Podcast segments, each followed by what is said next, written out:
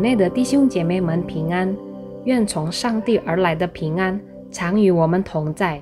我们的门徒灵修是从读经运动，主题是唯有上帝能帮助。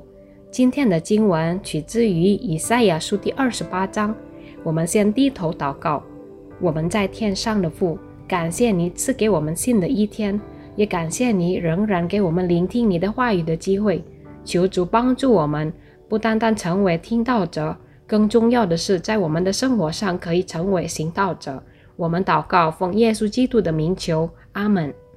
以法莲是北以色列国最著名的支派之一，因此以法莲这名称可以代表北以色列王国。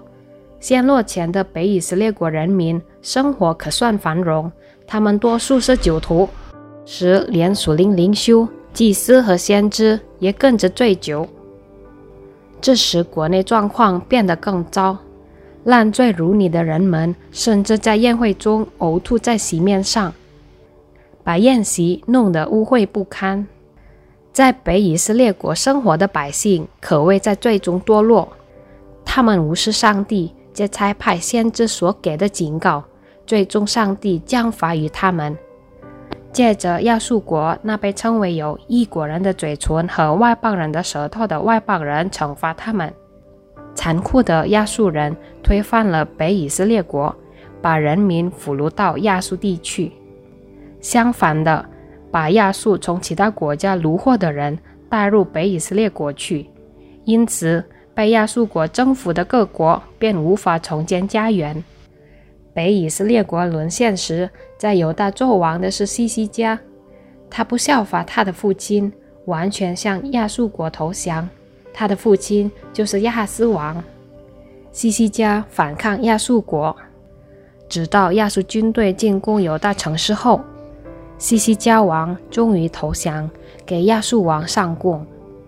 但他并非全心全意投降，他暗中与埃及联盟。与埃及联盟，简直是与死亡立约，与阴间结盟。亚述国王非常生气，以至于再度进军攻打犹大，甚至打算一并攻占耶路撒冷。埃及王不敢对抗亚述军，所以西西家处境凶险，受困其中。在这种局面下，西西家王。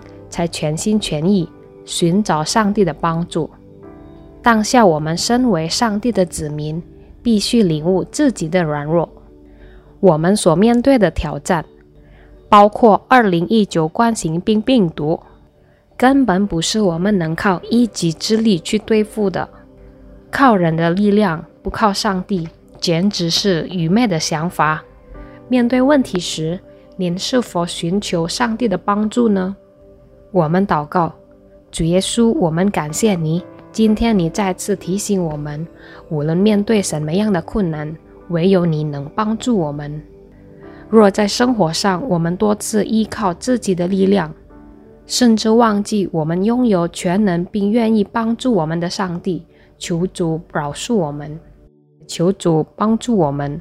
无论面对什么情况，我们可以全心全意寻找。从上帝而来的帮助，我们祷告，奉耶稣基督的名求，阿门。弟兄姐妹们，面对现在的疫情也不例外，唯靠从上帝而来的力量，我们必定胜利的度过。只要我们全心全意寻找上帝的帮助，上帝祝福我们。